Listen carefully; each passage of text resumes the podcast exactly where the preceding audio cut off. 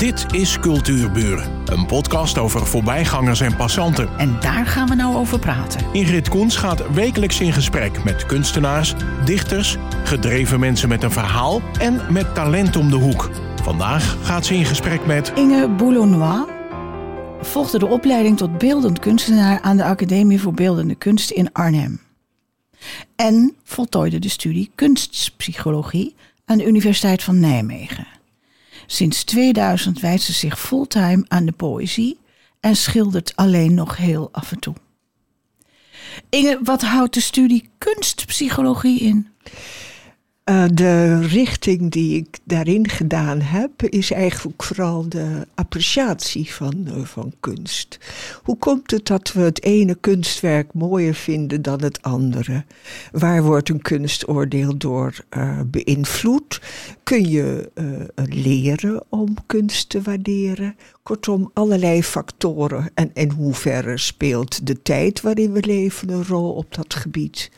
Het is een heel eigenlijk breed onderwerp toch wel, al lijkt het kunstpsychologie klinkt zo klein, maar je hebt natuurlijk te maken met de eigenschappen van het kunstwerk zelf. Je hebt te maken met de eigenschappen van degene die kijkt. Hoe kijkt hij? Wat is zijn voorkennis?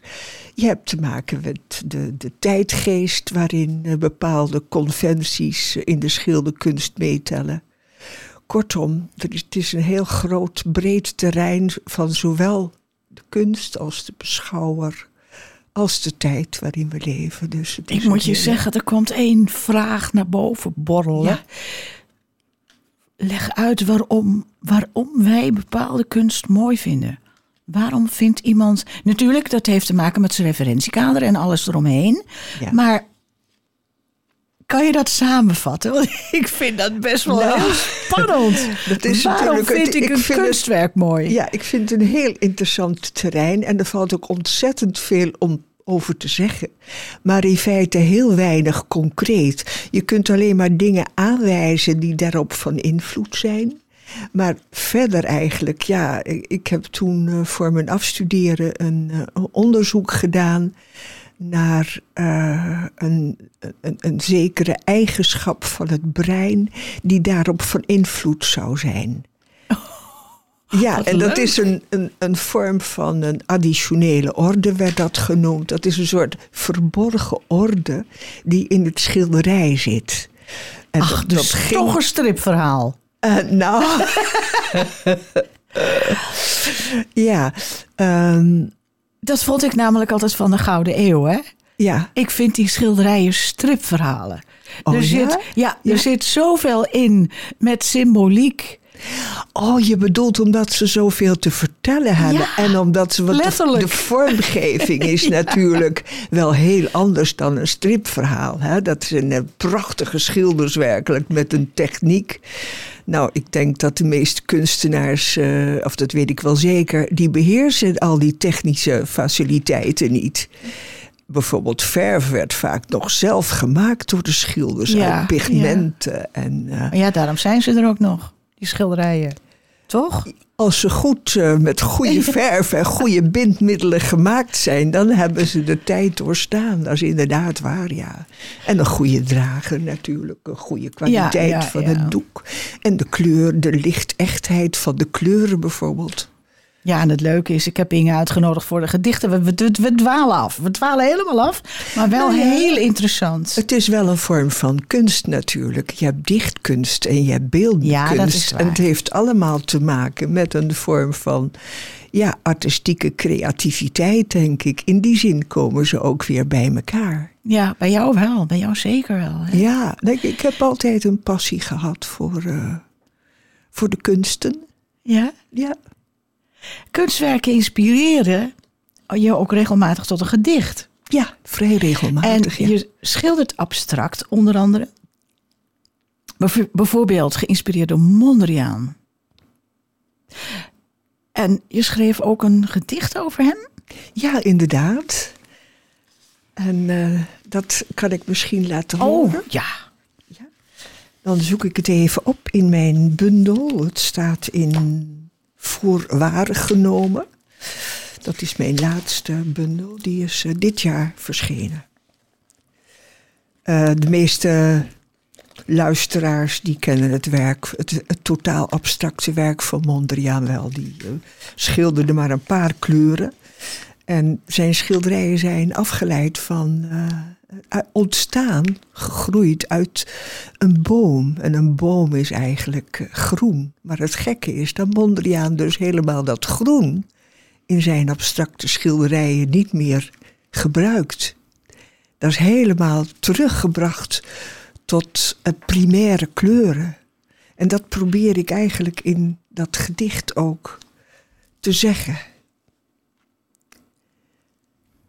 Compositie met groen, soort Pardon, dan ben ik helemaal in de war.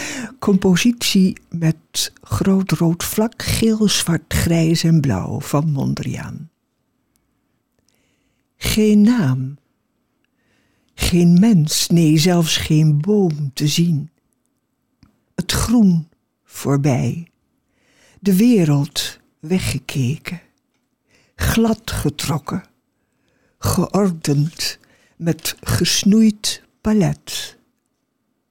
Windstil lillen, elk geruis gesmoord door verf, de hang verradend naar dat diepste evenwicht de sluimerende maat van alle dingen. De grote lijnen lopen zijwaarts en omhoog, als volstrekt armen van een boom, of die van ons, na alsmaar rekken, rijken naar elkaar en hemelwaarts. Mooi. Ik ga helemaal met je mee dat schilderij in. Ja. Oh, heerlijk als je zo kan schrijven. Oh. Uh, Inge vat wat ze ziet, ervaart, denkt en voelt in woorden. Dat is duidelijk gebleken uit dit gedicht. En ze kijkt bij een gedicht naar wat er voor een onderwerp bij haar opkomt. En ze schildert als het ware met woorden, want jij maakt ook hele mooie schilderijen. Van uh, realistisch tot abstract. Ja, maar ook fijn, fijn schilderen. fijn schilderen. Oh, dat vind ik ook zo mooi. Ik heb dat bekeken. En, en het leuke is... Um... En ik ben ook in de poëzie een beetje een fijn slijper. ja. Um, en ik zag het zo dat je beschildert in je fijn schilderkunst als het ware gedichten. Want al jouw schilderijen zijn verhaaltjes. Dat is niet zomaar stil leven, maar dat is een verhaaltje. Mhm. Schilder je nog veel eigenlijk?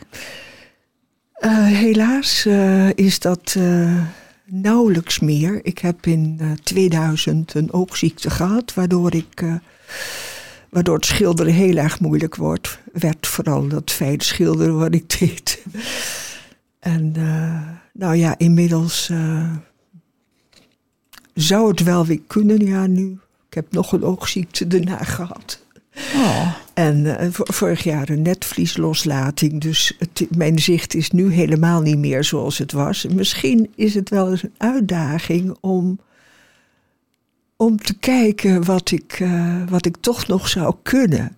Maar het, het leuke is, ik, uh, ik schrijf ook iedere week een uh, snelsonnet voor oh ja. een gedichtensite. Ja, daar wil ik ook nog van over vragen. En daar, dat, datzelfde, daar begon ooit Driek van Wissen mee. Ja. En datzelfde sonnet, een snelsonnet, zet ik dan op Facebook. Maar daar maak ik dan illustraties bij. Maar op je computer kun je lekker inzoomen. Dus door dat inzoomen lukt me dat om toch weer een illustratie erbij te maken. Dus ik oh. schilder dan een beetje op de computer. Zo. Dat gaat dan nog wel. Maar ja, op gewoon schilderdoek of op een paneel kun je niet meer schilderen. Dat, is, kan ik, dat lukt me niet meer. Dat is allemaal te klein en te fijn. Tenzij ik heel grof zou schilderen. Maar die ambitie heb ik niet. Maar je hebt toch ook abstract gemaakt? Ja, dat was ook fijn schilderwerk. Oh ja, de foto's daarvan zijn nogal eh, groot, dus eh, nogal klein eigenlijk. Dus je kan Ja. dat niet echt zien. Ik ga toch eens op je Facebook kijken, dat ben ik vergeten. Maar ehm, die sonnetten nog even, die actuele so- sonnetten. Snelsonetten zijn het. Hè? Een sonnet heeft 14 regels en een snelsonet heeft er maar zes. Oké, maar waar zit de chute dan, de omval? Die zit De- na de kwatrijn. Dus de- die heb je gewoon na de Vier regel. regels en dan is er een ommekeer, een Ja, uitleg, een wat dan ook. En die heeft dan nog eh, twee regels. en die heeft een, het distigon heet dat dan met een eh mooi woord. Waarom heb je voor de sonnetvorm gekozen? Voor de snelsonetvorm Ja. bedoel je? Ehm, ik werd gevraagd voor eh, die site om eh, daar eh, één keer per week een gedicht aan te leveren. Driek van Wissen deed dat zelf iedere dag, maar Zo. dat wordt wel erg belastend. Nou ja, en ik vind het ook een hele mooie vorm. Het, eh, kijk, het leent zich heel goed voor de actualiteit. Om in een paar regeltjes neer te zetten wat je, ja, waar je mee bezighoudt. En dan kan je ook gelijk een, eh, bij maatschappelijke ontwikkelingen een kritische noot neerzetten. Dat is natuurlijk ook altijd leuk. Zo blijf je, enerzijds blijf ik graag in de kunstwereld hangen. Anderzijds is er ook de actualiteit. En dat is ook, ja, die, dat is ook van deze tijd. Eh, Dat haalt, Ja. je, dat Ja. haalt je bij het hier en nu. Eh, heb je daar toevallig ook een voorbeeld van? Of? Ja, kijk, dat heeft ze. Oh, geweldig. Ik moet eens even kijken.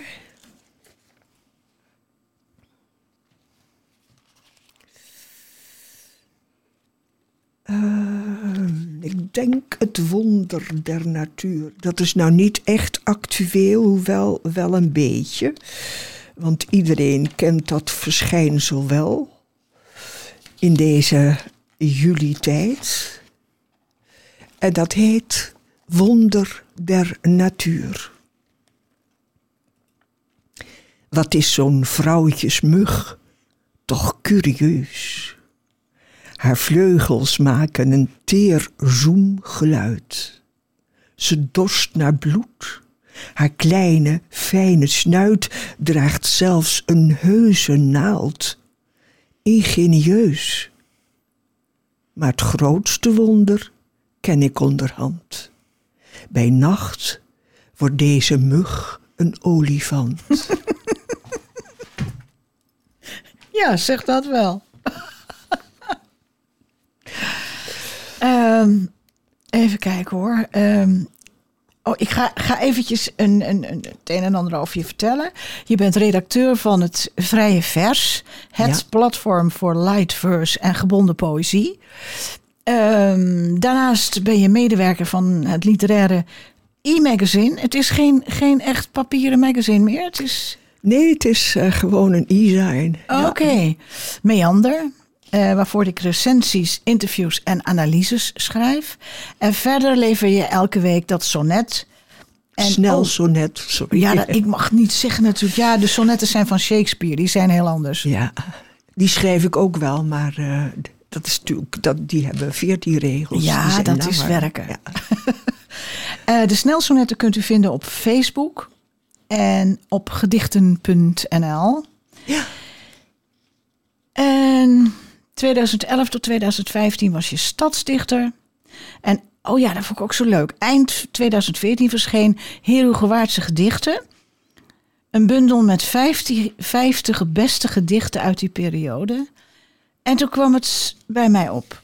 Ben je kritisch op jezelf? ja, ja. Op de gedichten bedoel je Ja, niet? ja, ja, ja. Gelukkig tuurlijk. niet in alle opzichten, want dat zou heel vermoeiend zijn. Maar 50 gedichten, dat, dat houdt in dat het er meer waren die je geschreven Ja, hebt. ik heb de leukste dan- uitgezocht. Ja. Dan moet je gaan, gaan Schrift. deduceren en kijken. En dan moet je zelf kritisch zijn. ja.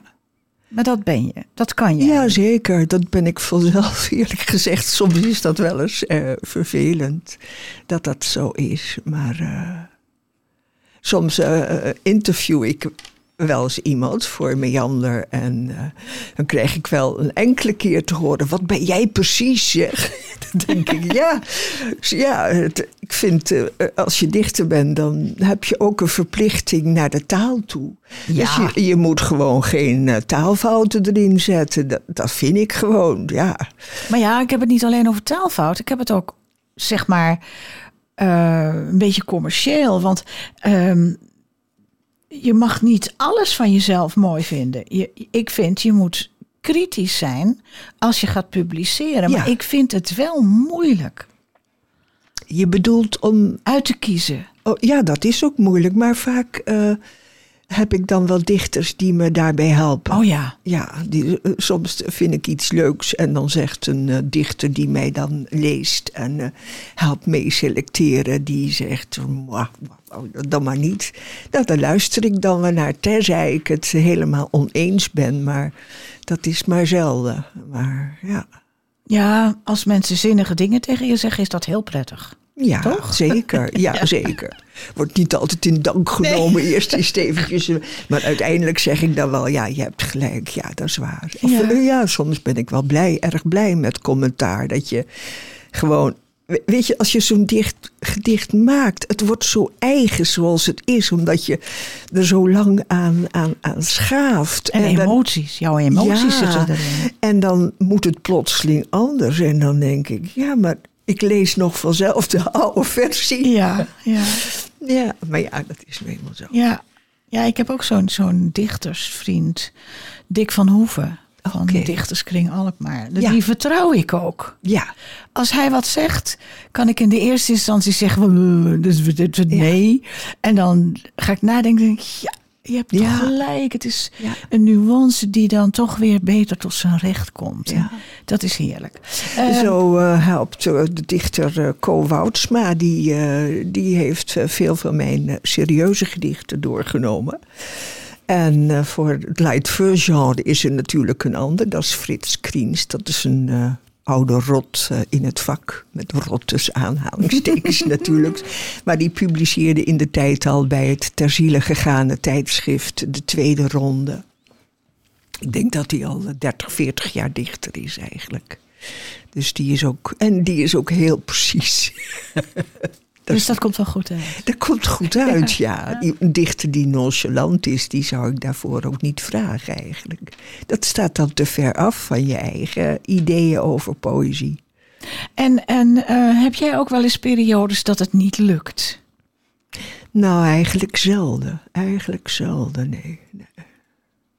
Nee, als het even niet uh, meteen gaat. Ik ga altijd zitten of ik lees wat en... Uh, komen altijd wel ideeën op. Zoals uh, ik kwam hier aan, ik heb mijn auto geparkeerd en toen kreeg ik een idee over een, uh, een snelsonet. Nou ja, dat noteer ik wel meteen, want voor je het weet uh, ben ik is dat. Weg, is het weg, ja. ja. Dus nou ja, zo gaat dat eigenlijk altijd. Ja. Maar ja, ik ben natuurlijk ook al 21 jaar met dichten bezig. Dus ik denk dat mijn, uh, mijn geest wel heel vaak in de dichtersmodus zit. Ik merk dat als ik bijvoorbeeld een stuk proza schrijf voor Meander, dat ik soms dingen verbeter omdat ik het metrum anders wil. Oh ja, ja. Maar dat doet er natuurlijk in proza helemaal niet toe. Maar ja. En uh, proza, dat, dat, dat is toch heel wat anders? Nou ja, ik bedoel dan het schrijven van uh, een recensie of een oh, interview. Ja. Dat ja, is dan okay. proza. Ja. Gesteld tegenover uh, poëzie. Ja. Um, ik kom nog even terug op het vrije, uh, vrije vers. Um, het platform voor light verse en gebonden poëzie. Ja. light verse en. leg het eens uit. Het zijn twee verschillende woorden die. die eigenlijk helemaal los van elkaar staan. Kun je me dat uitleggen, dat light verse? Uh, ja, de, laten we zeggen dat de titel, de naam van de website, die is in de tijd bedacht door Querien van Halen. Die is eigenlijk bedoeld als uh, kritiek op de vrije versen die in de tijd uh, geschreven werden. Dus helemaal geen rijm meer, geen vast metrum. En hij heeft dus als, uh, ja, als, als kritiek daarop heeft hij die website het vrije vers genoemd. Terwijl het dus geen vrije versen zijn. Het zijn gebonden versen. En een gebonden vers is een gedicht wat eindrijm heeft en wat in een vast metrum heeft geschreven. Uh, light verse is het genre weer van de luchtige gedichten, lichtvoetig humor erin. Maar wel weer met regels. Maar ja, dat wordt op het vrije vers wel gedaan, hoewel dat niet strikt nodig is. Dan heb je de term plezierdichten, die is gemunt door Dr. Anders P. En dat is speciaal bedoeld dus voor gebonden gedichten. Ja, maar, want dat rijmt allemaal. Ja, en dus ja, uh, het, het, vrije vers trekt wonderlijk genoeg aan de gedichters aan die zich willen bekwamen in de vaste vormen, in sonnetten, in villanelles, in snelsonetten, in sonnettines. Nou, kortom, er zijn ik weet niet hoeveel versvormen waar je in kunt bekwamen. Maar hoe denk jij dan over letterlijk het vrije vers, waar dus geen strakke regels aan hangen, maar wat een boodschap heeft en mijn uh, uh, gedichten over kunst zijn allemaal vrije verzen. Kun je er nog geen voorlezen? Oké, een vrij vers dus, hè? Ja, en daarna een gebonden vers. Oké.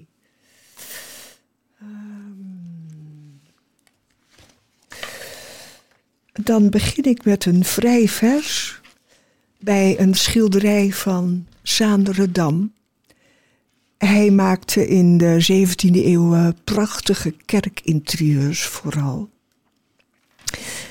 En omdat ik van origine eh, schilderes ben, vond ik het leuk om zich te verplaatsen in hoe hij het gemaakt heeft. Want het was een hele toer, met het perspectief beheerste men, is pas met de renaissance is, heeft mij geleerd om dat goed weer te geven.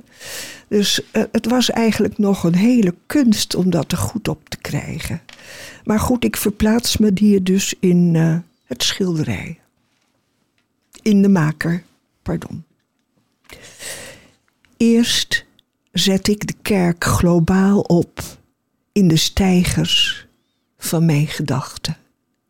Ik top over perspectief tot ik het doorgrond.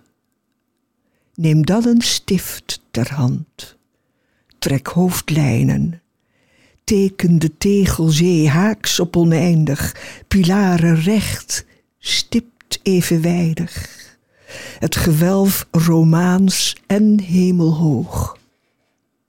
Ik vul vlakken met geduld van veerpenselen. Ik dommel en das, slijp scherp met schilderstok en sleper.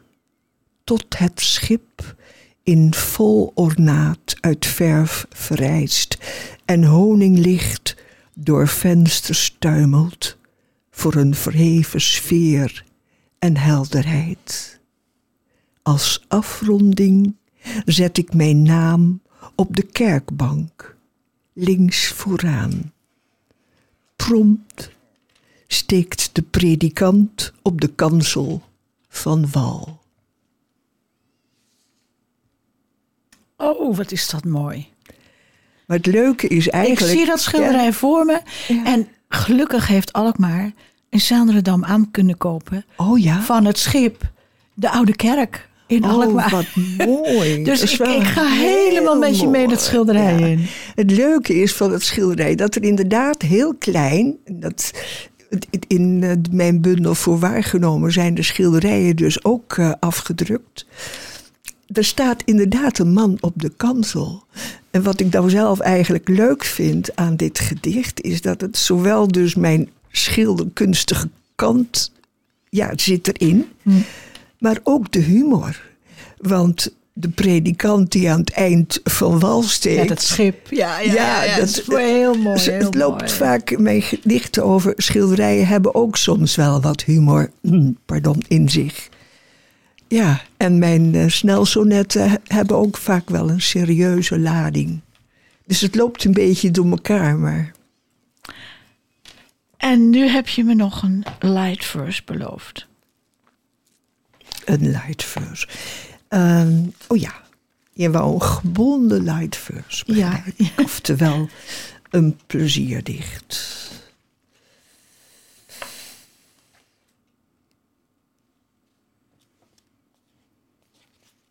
Het wordt een eh, snelsonnet. Gericht op de actualiteit, maar ook op het verleden.